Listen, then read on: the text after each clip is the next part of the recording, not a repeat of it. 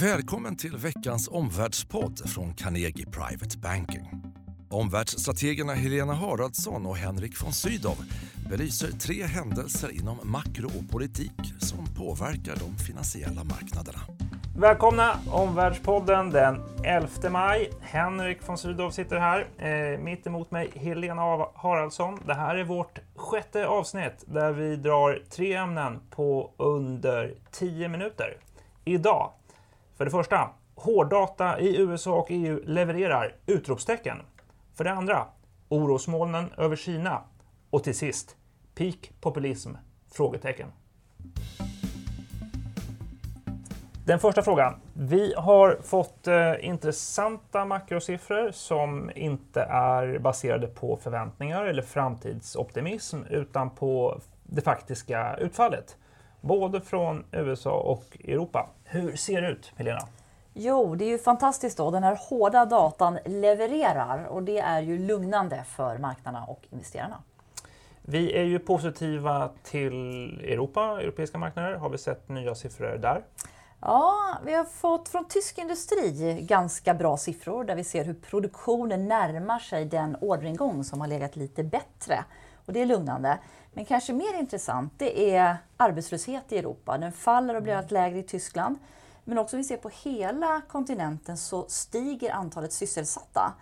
Mm. Det här är ju grunden för en inhemsk styrka som vi har talat om i tidigare mm. poddar. Så kanske Europa på väg in i en lika gynnsam period som USA har varit i de senaste åren. Mm. Inhemsk styrka i Europa. Vad har vi sett från eh, världens största ekonomi då, USA, sista veckan?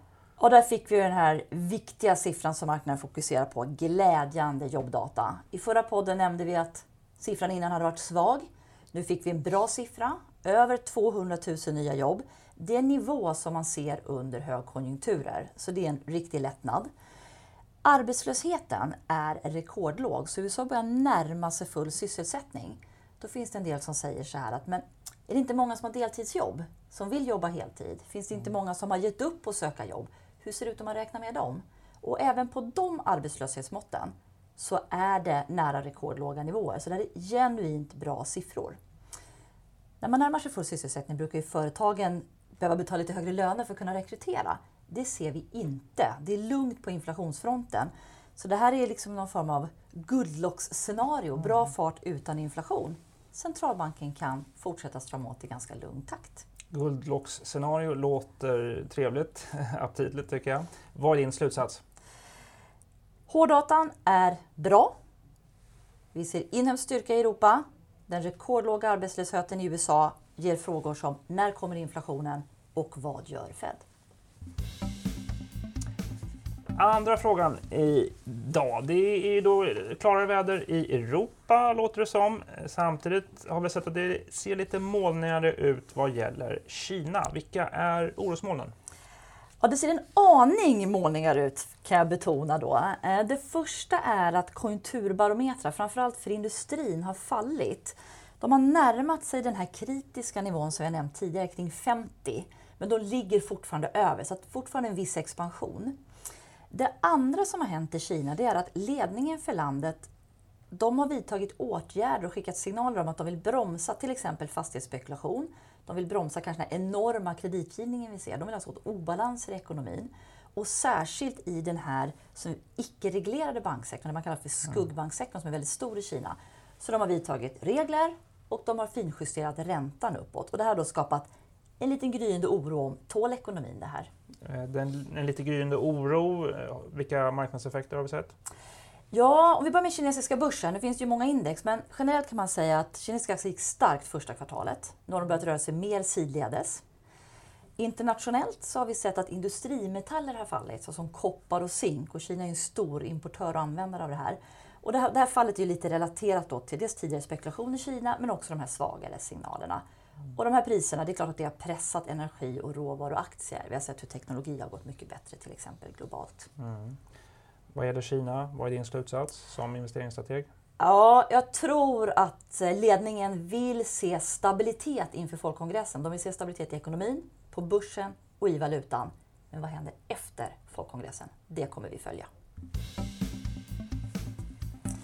Ja, fråga tre Henrik. På temat eh, klarare väder i Europa. Det finns ju också mindre politiska orosmoln på den europeiska himlen, som efter Macrons seger här i helgen.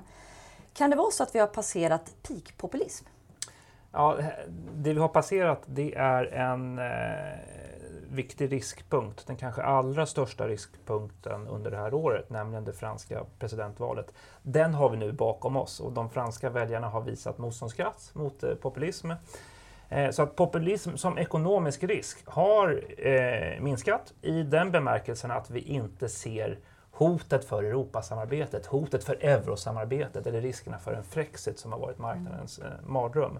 Samtidigt ska man säga, vilket bakslag för etablerade politiska partier. Inget av Socialistpartiet eller Republikanerna var med i slutomgången. Det var två outsiders, två utmanare som stod mot varandra. Macron är 39 år gammal. Det var 13 månader sedan han startade sin rörelse. Nu är han president. Det där säger något om efterfrågan och aptiten för alternativ hos väljarkåren. Mm.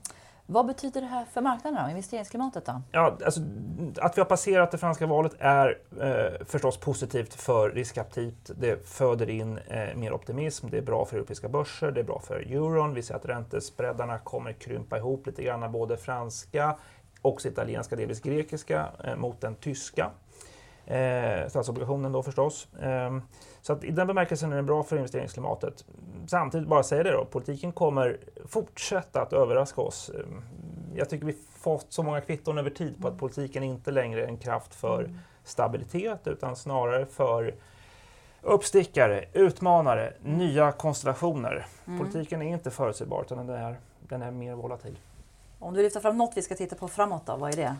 Ja, om, slutsats? Ja, om vi diskuterar detta med peak-populism så tror jag att det är, ja, dels räkna med en viss fortsatt turbulens på den politiska scenen även om riskerna vid valhändelserna eh, har gått ner. Eh, jag tror att det är väldigt viktigt att titta på hur ekonomin faktiskt utvecklas. Om vi pratar då Europa, går ekonomin bättre så tar det ner mm. efterfrågan. Jag tror att det är viktigt att titta på migrationsfrågan som är viktig för europeiska väljare. Har regeringar migrationsflödena under i varje fall mer kontroll än förra året tror jag är en viktig fråga som påverkar efterfrågan. Titta också på hur det går med strukturreformer runt om i Europa och där mm. är, ja, är det tyvärr svårt att vara optimistisk och det, det, det är synd. Strukturreformer i Europas ekonomier är nog viktigt för att långsiktigt minska efterfrågan på populistiska mm. alternativ. Om vi ska sammanfatta allt det här intressanta Henrik, vad blir slutsatsen? Ja, franska väljare har visat motståndskraft mot populism. Vi har passerat den enskilt största riskpunkten eh, det här året. Det är förstås eh, positivt för investeringsklimatet. Ja, dagens slutsatser är alltså att för det första, det finns skäl för inhemsk optimism i Europa. Och när kommer inflationen i USA? Den andra, Kina. Vad händer efter folkkongressen i höst? Och den tredje slutsatsen, de politiska riskpunkterna i Europa passeras. Det öppnar för nytt fokus och optimism. Vi vill också uppmärksamma er lyssnare på att den som vill kan få ett förslag på en skräddarsydd investeringsportfölj från en specialist på Carnegie. Det är för er med över 5 miljoner i förvaltat kapital och det är helt kostnadsfritt. Ni går in på carnegie.se analys. Och för våra befintliga kunder så kommer vi inom kort börja en serie strategiseminarium 22 maj börjar i Stockholm, sen följer Malmö, Helsingborg och sen Göteborg. På återhörande. Tack för att du har lyssnat på Omvärldspodden från Carnegie Private Banking. Vill du veta mer om vad som händer i vår omvärld och få aktuella idéer till affärer? Gå då in på www.carnegie.se veckans viktigaste och prenumerera på vårt nyhetsbrev.